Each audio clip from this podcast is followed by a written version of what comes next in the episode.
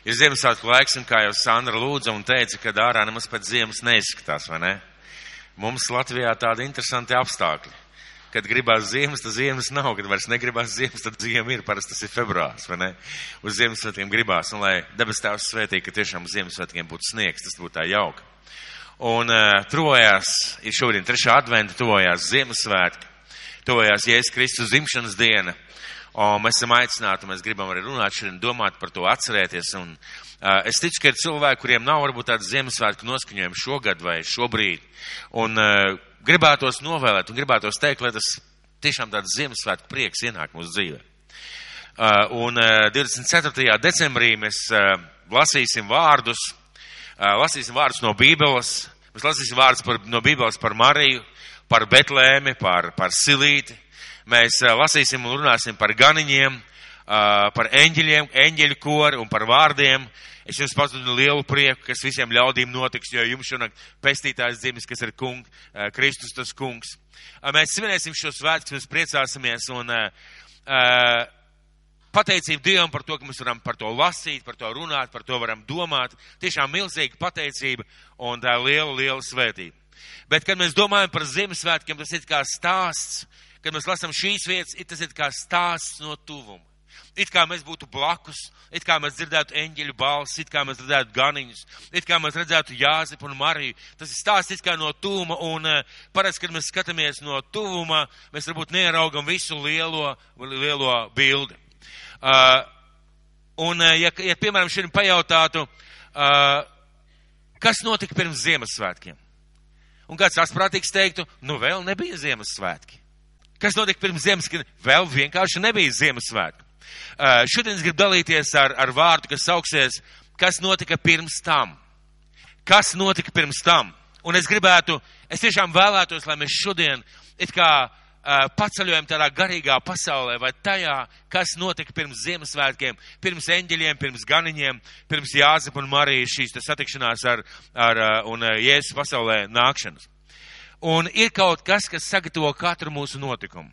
Sakiet, vai kādam dzīvē tā ir gadījies, izņemot jubilārus, protams. Jūs pamostaties no rīta, ir viesības paredzēts un smaržo pīrāgi. Jūs iziet virtuvē, cepetis ir uzcepts, galds ir saklauts, trauki ir salikti, uh, viss ir sakārtots, un jūs vienkārši brīnties, kas to varēja izdarīt. Tas bija mans darbs, bet kas to varēja izdarīt? Uh, jubilāriem reizēm tā gadās, bet uh, parasti pirms kaut kāda notikuma ir sagatavošanās. Pirms kaut kas notiek labs, svētīts, brīnišķīgs, vienmēr ir kaut kāda sagatavošanās vai notikumi, kas ved uz šo te notikumu. Un jautājums, kas notika ar Dieva dēlu pirms viņš piedzima kā Jēzus. Es šodien gribētu runāt par to, kas notika ar Dieva dēlu, pirms viņš nāca šajā pasaulē, kā mazs bērniņš, pirms viņš auga, pirms viņu nosauca vārdā Jēzus. Un, lai to ieraudzītu, paskatīsimies it kā no tāluma, it kā no attāluma. Jūs ziniet, ka jūru var skatīties tā, skatoties sev uz kājām, viens krasts, otrs krasts, jā, un šeit ir ūdens. Tāda tuvumā, bilde tuvumā. Bet, kad jūs uzkāpjat kaut kur augstu kalnā vai kādā kāpā, jūs jūru redzat daudz savādāk. Ja jūs lidojat ar lidmašīnu, jūs ieraugat, ka jūra nav vienkārši tikai ūdens, ja, bet tur ir daudz kaut kādas sēkļi, cilvēki apkārt. Un šodien gribētu mūs visus vest, lai mēs ieraugam Jēzus Kristus piedzimšanu no lielāka skatu punkta, no ērgļu lidojumu, ja tā varētu teikt. Un es gribu vest uz Jāņa evaņģēliju pirmo nodaļu, pirmie trīs panti. Jāņa evaņģēlijas pirmā nodaļa, pirmie trīs panti. Ļoti svarīga vieta, ļoti svarīgi vārdi. Jāņa evaņģēlijas pirmie trīs panti. Iesākumā bija vārds, un vārds bija pie Dieva, un vārds bija Dievs. Viņš bija iesākumā pie Dieva. Viss ir radies caur viņu, un nekas, kas ir radies, nav radies bez viņa. Nav radies bez viņa. Iesākumā bija vārds, vārds bija pie Dieva, vārds bija Dievs.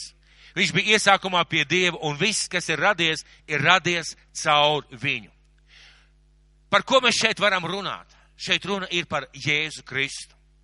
Un šī vieta mums atklāja, kā debesīs pirms Kristus nāca uz pasauli kā cilvēka dēls Viņš bija Dieva dēls, kuru sauc, tā mums atklāja Dieva vārds, sauc vārds. Sauc vārds. Tātad pirms Jēzus nāca šajā pasaulē un piedzim kā Jēzus debesīs pirms šīs nākšanas, viņa vārds sauc, ja, sauc vārds. Tāpēc izlasīsim nedaudz savādāk, liekot vārda vārds vietā vārdu Jēzus. Iesākumā bija Jēzus, un Jēzus bija pie Dieva, un Jēzus bija Dievs. Viņš bija iesākumā pie Dieva, viss ir radies caur Jēzu, un nekas, kas ir radies, nav radies bez Jēzus. Tā mēs to varam lasīt. Tāpēc to mēs varam lasīt. Un kā mēs ieraugam Jēzu, kāds bija Jēzus? Pirmkārt, viņš bija trīsvienībā. Viņš bija Dievs, caur viņu viss ir radies. Un nekas nav šajā pasaulē, kas nebūtu radies caur viņu. Un tas mums raksturo Jēzu kā spēku, kā mūžību, kā visvarano, kā visneiespējami aptveram, neaptveramo Dievu, kā radītāju. Jēzus ir radītājs, Jēzus ir Dievs, Jēzus ir Dieva dēls, un uh, vārdu trīsvienība cilvēka nespēja izskaidrot ar savu loģiku. Ir cilvēki, kas cenšies izskaidrot, nonākuši pie secinājuma, Jēzus nevar būt Dieva dēls, jo Bībelē netiek minēts vārds trīsvienība. Bībele saka, ka Tēvs, Dēls un Svētais Gars bija kopā, un tas viss bija viens. Ar cilvēcisko loģiku nevar izskaidrot, kas ir trīsvienība. Mums vienkārši ir jāpieņem šis te fakts un tas, kā to Bībele saka. Un mēs šeit lasām, ka Jēzus bija pie Dieva un Jēzus bija Dievs. Pamēģināsim uz mirkli iedomāties, kāds ir Dievs. Savā varenībā, spēkā, savā radošumā, savā gudrībā, kāds ir Dievs. Un tagad ir jautājums, vai Dievam tur debesīs, vai Dieva dēlam tur debesīs bija slikti? Vai viņam tur kaut kā pietrūka, kaut kā, kaut kā ne, kaut, nebija kaut kā tāda, kas viņam būtu? Viss bija, viss, kas ir nepieciešams, un ne tikai pār pāram, jo viņš ir Dievs. Un tagad ir jautājums, vai viņš kā suverēnais Dievs varēja palikt debesīs? Varēja. Bet, ziniet, mīļie draugi, ir kāda lieta, kas mums raksturo, kāpēc Jēzus nāca šo pasauli. Jēzus nāca šo pasauli, tāpēc, ka viņš varēja palikt bez cilvēkiem, bez dievu bērniem, bez savas, savas dzimtenes, eh, saviem, savas tautas. Viņš varēja, bet viņš izvēlējās nepalikt. Viņš varēja palikt debesīs, bet viņš izvēlējās nepalikt. Un skatīsimies tālāk, kas notika ar vārdu uh, Jēzus, kas notika ar vārdu, kas notika ar Jēzu, kas valdīja debesīs. 14. pants. Un vārds, jeb Jēzus, tapa miesa un mājoja mūsu vidū. Un mēs skatījām viņa godību, tādu godību, kā tēva vienpiedzimušā dēlam, pilnu žēlastības un patiesības. Un vārds, mūžīgais dievs, dievs, kas ir debesīs, dievs, kas valda, ar ko viss radīts, vārds tapa miesa un nāca uz šo zemi. Un šī vieta saka, mēs skatījām viņu kā vien, vienpēcdzimušo dēlu, pilnu žēlastības un pilnu patiesības. Un tas ir, šeit ir runa par Ziemassvētkiem.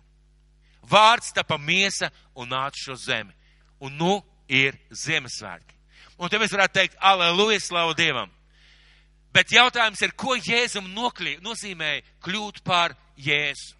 Ko vārdam, Dieva dēlam, ko viņam nozīmēja, ko maksāja kļūt par miesu un mājot mūsu vidū. Ko viņam tas nozīmēja? Ja viņš bija Dievs, mēs domājam, tas tā vienkārši kaut kā automātiski viņš ir Dievs, bet ko Dievam, ko Dieva dēlam tas maksāja kļūt par vārdu, par miesu un mājot mūsu vidū? Kā jūs domājat? Es jums gribu pastāstīt kādu stāstu, patiesu stāstu, ko man stāstīja kāds misionārs šeit Latvijā. Un viņš stāstīja, ka viņš eh, piedzima padomju savienības laikā. Eh, Dievs parādīja kaut kādu pārdabisku žēlastību. Viņš nonāca, nonāca Norvēģijā, Bībeles skolā, mācībās, tālāk Bībeles institūtā un augstskolā.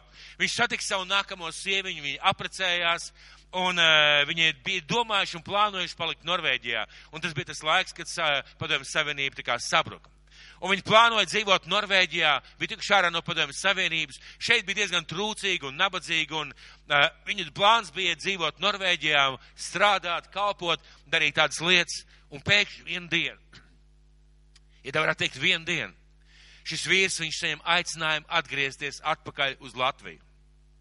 Viņš saņem aicinājumu atgriezties atpakaļ uz Latviju, un uh, viņš uh, iet un pasaka to savai sievai, un šis aicinājums bija ļoti skaidrs un konkrēts. Viņš iet un pasaka savai sievai, un sieva saka, zini, es gribu, lai Dievs pats man pasaka. Es cienu tavu viedokli, es mīlu, bet, zini, tas saistīts ar mūsu abu dzīvēm. Es gribu, lai Dievs man pats pasaka. Un šis vīrs stāsta, viņš kādā dienā mājās kārto, kārto savu biblioteku, un uh, tur krāmējas pa skapiem kārto biblioteku. Viņš augšā pēkšņi dzird kaut kāds troksnis, un sieva sāk raudāt.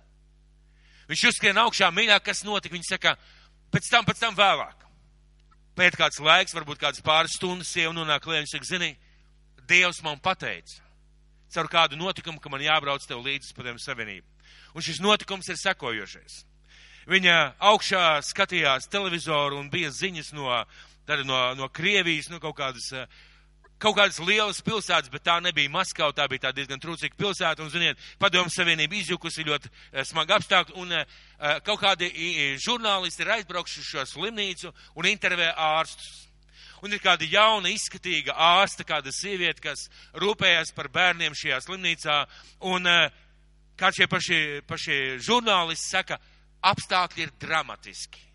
Vecās, nelaimīgās dzels gultiņas un dzels atsperes, ar eļas krānu nokrāsotās sienas, garie koridori, augstie, un šie žurnālisti saka, kas jums? un ir laiks, kad var izbraukt ārā uz ārzemēm. Un šie žurnālisti jautā, kas jums tādai talantīgai un, un gudrai un, un, un uh, jaunai sievietei liek palikt šeit, jūs taču varētu braukt uz ārzemēm.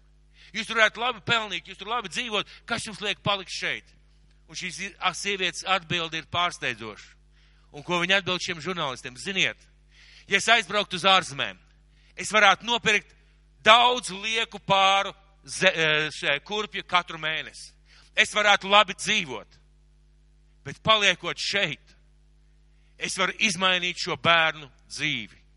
Un tas bija tas vārds, ko Dievs teica šai sievietei, ka paliekot Norvēģijā, tu varēsi labi nodzīvot. Tev viss kaut kā būs gana, bet braucot, tu varēsi mainīt cilvēku dzīvi. Šobrīd viņi ir šeit un tieši tā arī piepildījies. Un uh, tie ir cilvēki, kas brīnišķīgā veidā kalpo uh, mācot Dievu vārdu.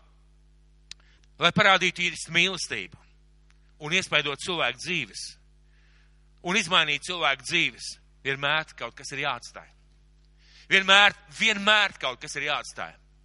Jūs neatradīsiet tādu iespēju, kā izmainīt cilvēku dzīves, kā svētīt cilvēkus, ja, ja mēs kaut ko neatstājam, ja mēs kaut ko neoprējam. Un, protams, ne jau sliktas lietas.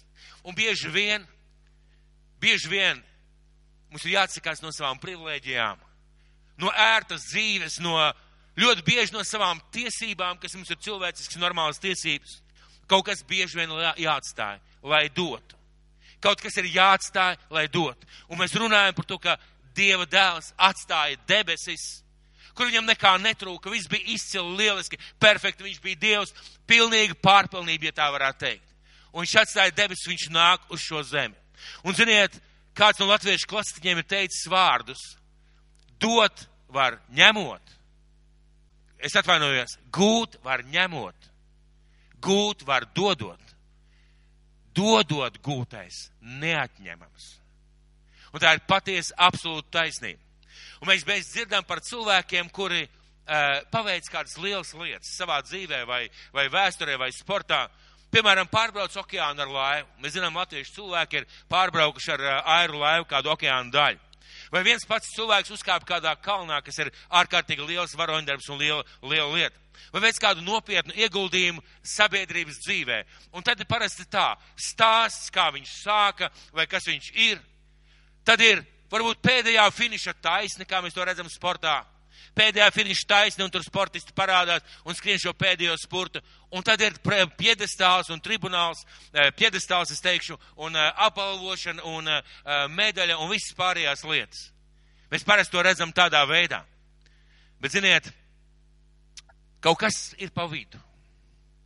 Kaut kas pirms šiem notikumiem, pirms šī lielā iznākuma, šī lielā panākuma par kaut kas vienmēr ir pa vidu. kas paliek it kā aiz ekrāna, it kā aiz kadra, un uh, mēs bieži vien nesaprotam vai pat neieraugām, kas, ko cilvēks ir piedzīvojis šī, šī, šī pasākuma laikā. Ko tas viņam ir maksājis, kas notika, tas bieži vien paliek aiz kadra. Mēs redzam, tā viņš sāka, tur viņš trenējās, un tad jau ir kalna virsotne. Bet kas bija pa vidu? Un, ziniet, tieši tas, kas bija pa vidu, vai pirms uzkāpa šajā kalnā, tieši tas bieži vien parāda, cik vērtīgs ir šis te panākums vai šī lieta, ko cilvēks ir darījis. Ziemassvētku stāsts. Dieva dēls nāca uz zemi. Bet šodien es gribētu runāt par un ieskatīties nedaudz dziļāk šajā Ziemassvētku stāstā. Mēs esam daudzkārt dzirdējuši un lasījuši Jāzeps, Marija un Jēzus piedzimis, bet es gribētu šajā dienā ieskatīties nedaudz pirms, pirms Jēzus piedzima. Pirms viņš nāca, pirms eņģeļi pateica, es pasludinu jums lielu prieku. Un es gribu mūs visus vest uz vēstuli Filipiešiem. Vēstuli Filipiešiem, otrā nodaļa, 5. 8. pants. Vēstuli Filipiešiem, otrā nodaļa, no 5. līdz 8. pantam lai jūsos ir tādas pašas domas kā Kristu Jēzu. Pāvils šeit svēt svētā gara palīdzību. Saka, lai mums ir tādas pašas domas, dzīvesveids vai skatīšanās uz lietām, kā tas bija Jēzum Kristum. Un tālāk saka, sako stāsts, kāds bija šīs domas, vai kā viņš skatījās. Kas būdams Dieva veidā, neuzskatīja, kā satveramu laupījumu būt vienādam ar Dievu bet sevi iztukšoja, pieņemdams kalpa veidu. Un tāpēc pēc cilvēka līdzības un e, būdams tāds pats kā cilvēks, viņš pazemoja sevi, kļūdams paklausīgs līdz nāvei, līdz pat krusta nāvei. Šis tāds bieži vien mēs runājam par pazemību, mēs runājam par lēnprātību, par kādām citām lietām, bet es gribētu nedaudz atgriezties, lai mēs ieraudzītu, ko Jēzu maksāja Lielde Ziemassvētki kas būdams Dieva veidā, iedomāsimies Dieva slavu. Vai mēs spējam iedomāties to neaptveramo gaismu, spožumu, nezinu, spēku, kurā Dievs mīt? Vai mēs to varētu iedomāties, es gribētu mums aizvest uz Jesējas grāmatu. Un kāds no dievu vīriem, Jesē, redzēja dievu godību, tāds mazs, mazs ieskats, jo cilvēks to noteikti nevar aprakstīt. Tanī gadā, kad nomira ķēniņš Usija, es redzēju kungu sēžam augstā un dižā tronī, un viņa tērpa krokas piepildīja templi. Un viss tā stāv serafi. Katram ir seši spārni, ar diviem tas aizsardz seju, ar diviem klāja kājas, ar diviem tas lido, un tie sauc svēts, svēts, svēts, pulku kungs. Visa zeme ir pilna viņa godības. Sliekšņu pamati trīcēja no saucēja balss, un nams pildījās ar dūmiem. Neliels ieskats. Dieva tronis debesīs.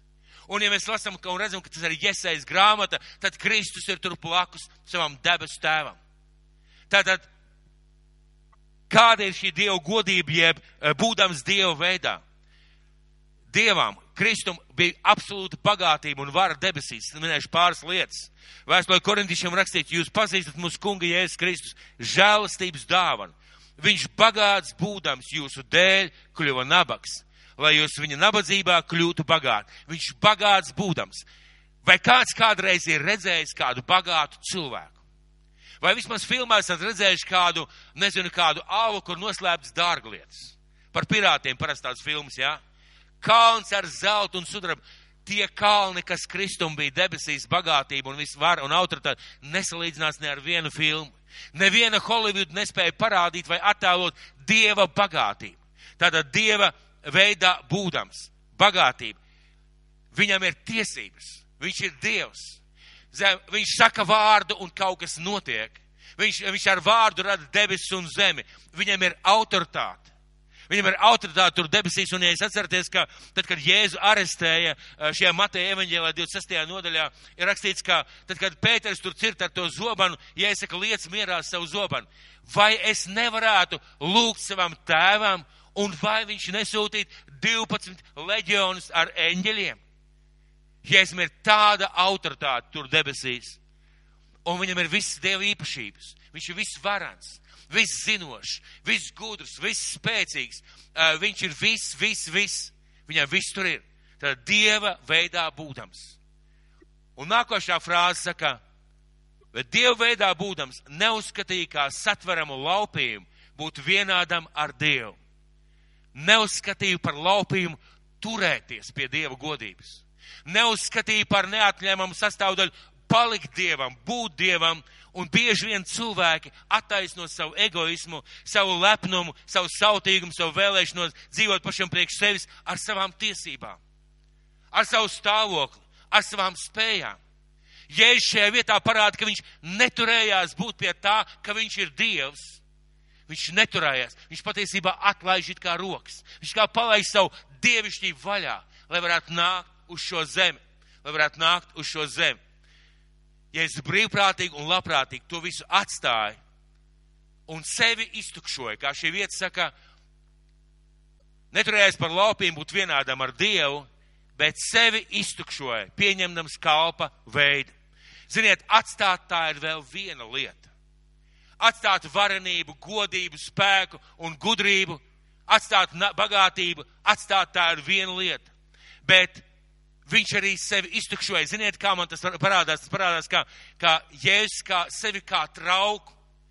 Trauku, kurā ir visas dievišķās īpašības, spēks, varenība. Viņš pats personīgi sevi apgriež otrādi un izlai to visu ārā. Kā mēs izlējam no kāda trauka eh, kaut kādu, kaut kādu šķidrumu.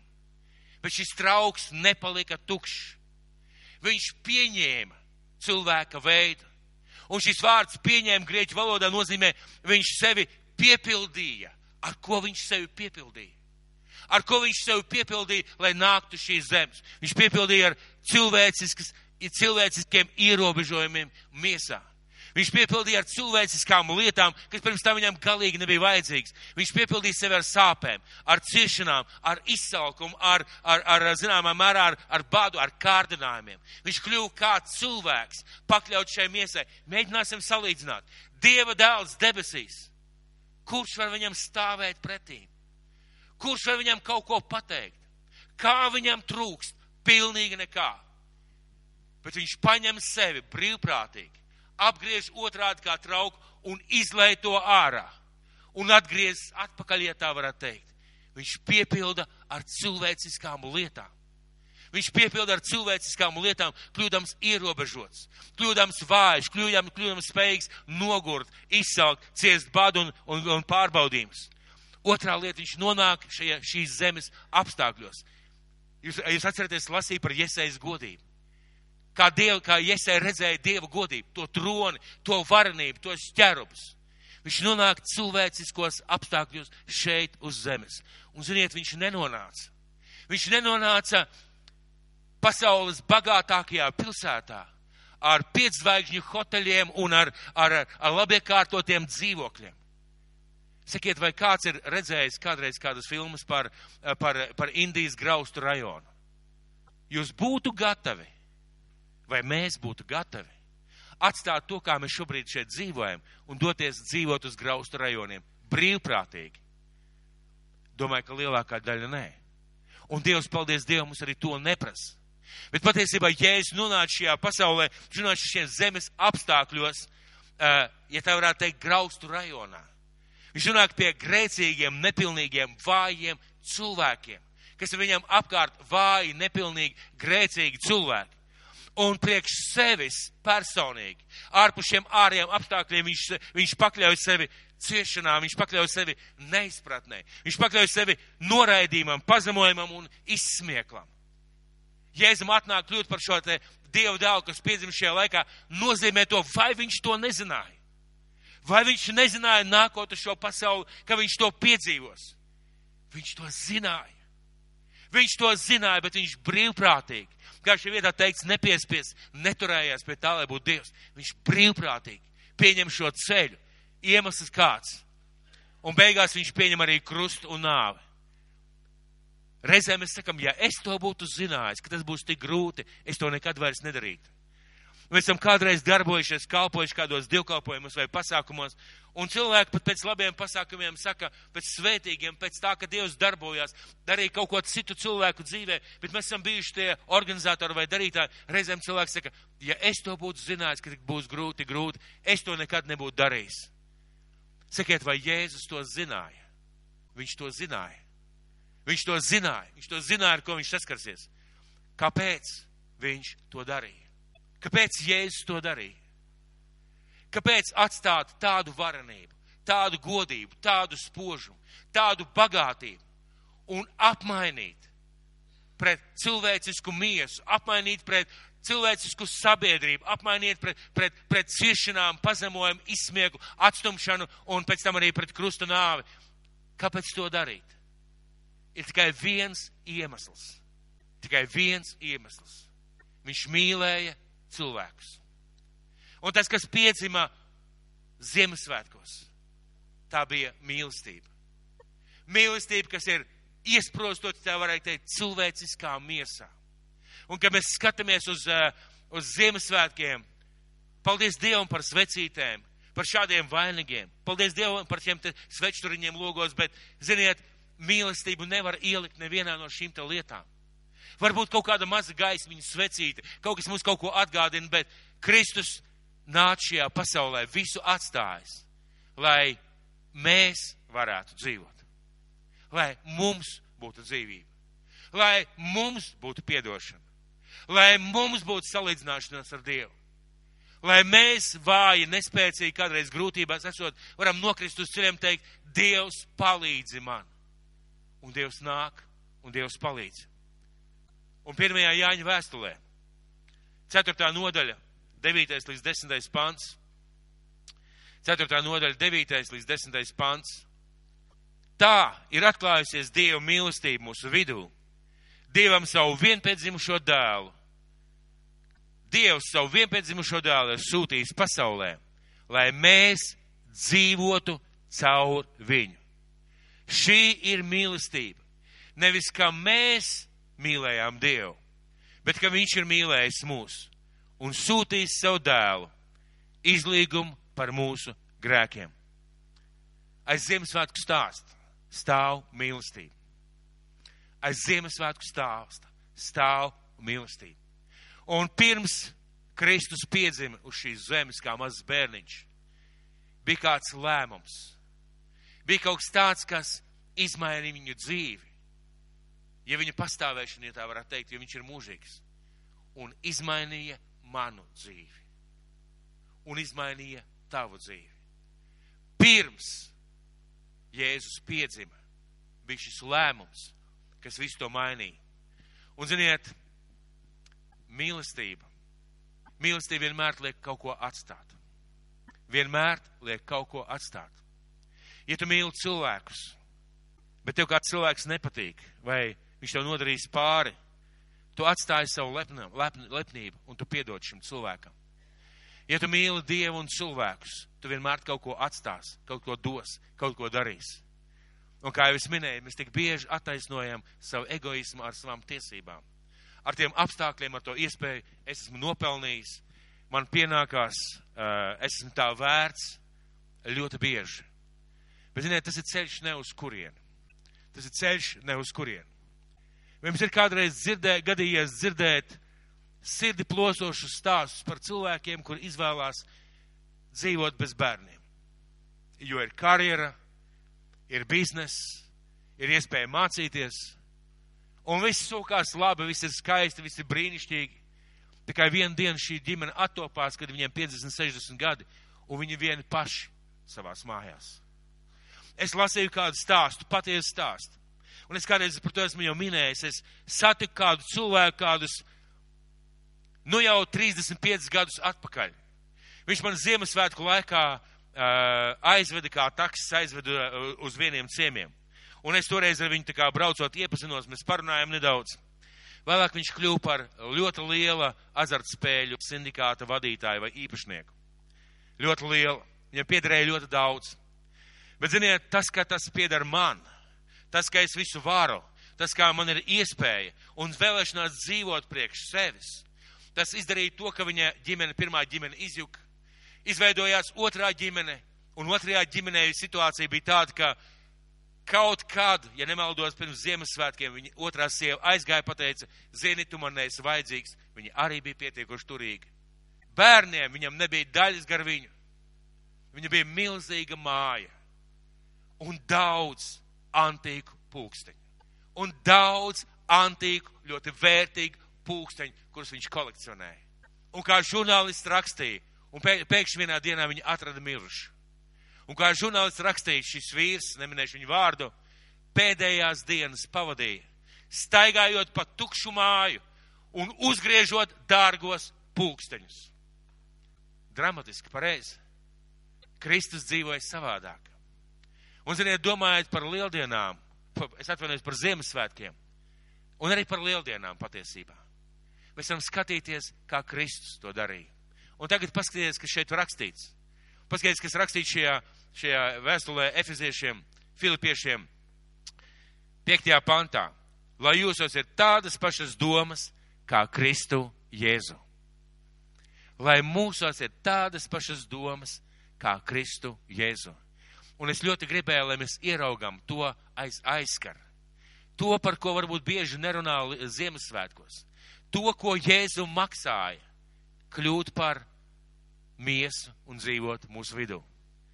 Un es ļoti pateicos Dievam par to, ka Viņš ir ienācis manā dzīvē. Ka šī viņa atteikšanās no dievišķības, sevis iztukšošana un piepildīšana ar cilvēcīgo, man dzīvi izmainīja. Es ļoti pateicos Dievam par jums ikvienu, ka šeit ir Kristu pieņēmis. Jo šis viņa upuris ne tikai uz Golgātas krusta, bet tas izmainīja jūsu dzīvi. Un, ja mēs skatāmies uz Ziemassvētkiem šodien, mēs tiešām no augšas atzimuši, tad Ziemassvētki ir kā neliels atgādinājums. Viņš dzīva par mani. Ne tikai priekš manis, viņš dzīva par mani. Ko man tas šodien pasaka? Cik svarīgi, cik vērtīgi, cik nozīmīgi ir Ziemassvētki. Cik daudz mums Dievs ir dāvājis Ziemassvētkos. Un vēl šī vieta runā, kā man ienest svētību citu cilvēku dzīvē. Un laikam būs īstais mirklis un īstais dievkalpojums, kad pateikt, mīļie draugi. Es zinu, ka mums katram ir savas iespējas un katram savas rocības. Bet padomāsim, padomāsim par tādu dāvanu, ko mēs varētu kādam šajos Ziemassvētkos uzdāvināt bet tiešām kādu dāvanu, kas nevis, nevis bagātam cilvēkam vēl vienu kaut kādu labu, skaistu lietu, nevis tikai tuviniekam kaut ko ļoti vērtīgu, bet padomāsim par kādu cilvēku, par kādu cilvēku, kuram mēs, kuram mēs kaut ko tiešām varam uzdāvināt, kas viņam būtu vajadzīgs, kas būtu viņam kā svētība. Un pilnīgi viennozīmīgi mums no kaut kā būs jāatsakās. Ja kādam nav ko dāvināt vai nav finanses, es jums pateikšu. Domājot par šo dievkalpojumu, es lūdzu Dievu, sapratu, Sakiet, cik liela dāvana ir patiesa lūkšana par kādu cilvēku? Cik viņa maksā? Cik viņa izmaksā? Bet cik viņa ir vērtīga?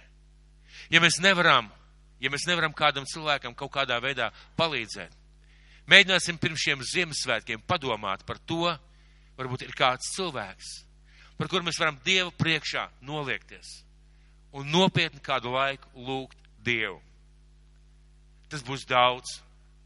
Un, ja var iespēja kaut kādā veidā svētīt, vai palīdzēt, vai dot kaut ko, tas būs ļoti daudz. Un es ticu, ka tā būs Dievam patīkama dāvana. Redziet, Bībele saka tā, kā, tā kā Kristus nāks otrais.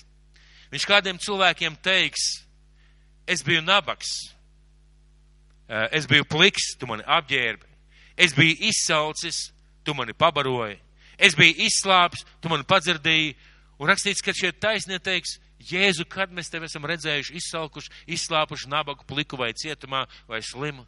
Kad mēs tevi esam redzējuši? Un ja es atbildēšu, ko esat darījuši vienam no maniem mazākajiem, tu esat darījuši man. Tāpēc, mīļie draugi, domāsim par Ziemassvētkiem no šīs perspektīvas. Un domāsim par to, kā mēs varam kaut ko ienest citu cilvēku dzīvē. Kā mēs kā Dieva bērni, varam būt svētība citiem.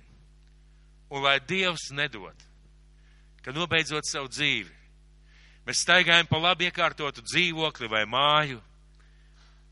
Vieni paši uzgriežam dārgus pulksteņus, ja tā varētu teikt. Un tur mūs arī atrod aizgājušus vientuļus, nabagus dvēselē un kailus. Bet Kristus atnāca, lai mūsu dzīvē būtu jēga. Un viņa tiešām piepildās, kad mēs spējam apgriezt sevi otrādāt kādos mirkļos, izliet ārā to, kas mums pienākās un dot cilvēkiem. Lai debes tēvs mūs svētī. Un lai šis tiešām ir tāds došanas prieka laiks. došanas prieka laiks. Un ja, ja ir kā problēmas ar šo došanu vai kādām citām lietām, palasiet Bībeli. Ja, ja nu gadījumā tas nesanāk, paskatieties to veco labo filmu par skruģu. Kāds pazīst Ziemassvētku stāsts par bagātnieku skruģu, kas bija ļoti liels skopulis. Atceraties, jā? Ļoti laba un pamācoša filma. Debes tēvs, mēs, kungs, tev pateicamies par tavu dēlu. Vienreiz, kungs, paldies tev par to, ka viņš nāca šajā pasaulē. Un paldies tev, Jēzu, ka tu neturējies pie apstākļiem, pie iespējas būt debes, debesīs, būt Dieva godībā bet ka tu iztukšoji sevi un ka tu pielēji sevi ar šīm lietām, kas nāk no šīs zemes. Kungs, Jēzus, tu nepazaudēji savu dievišķumu. Tu nekļuvi grēcīgs, tu nekļuvi par zemes cilvēku. Kungs, bet tu kļuvi kā cilvēks un Dievs vienlaicīgi. Un, mīļais kungs, mēs tev pateicamies, ka tu atradi par iespēju, ka tu savā mīlestībā nāc uz šo zemi un svētī mūsu dzīves. Tēvs, mēs tev pateicamies. Jēzu, mēs tev pateicamies. Un svētais gars atklāja mums šo vārdu dziļumu. Jēzus vārdā. Āmen. Lai Dievs mūs visus svētī.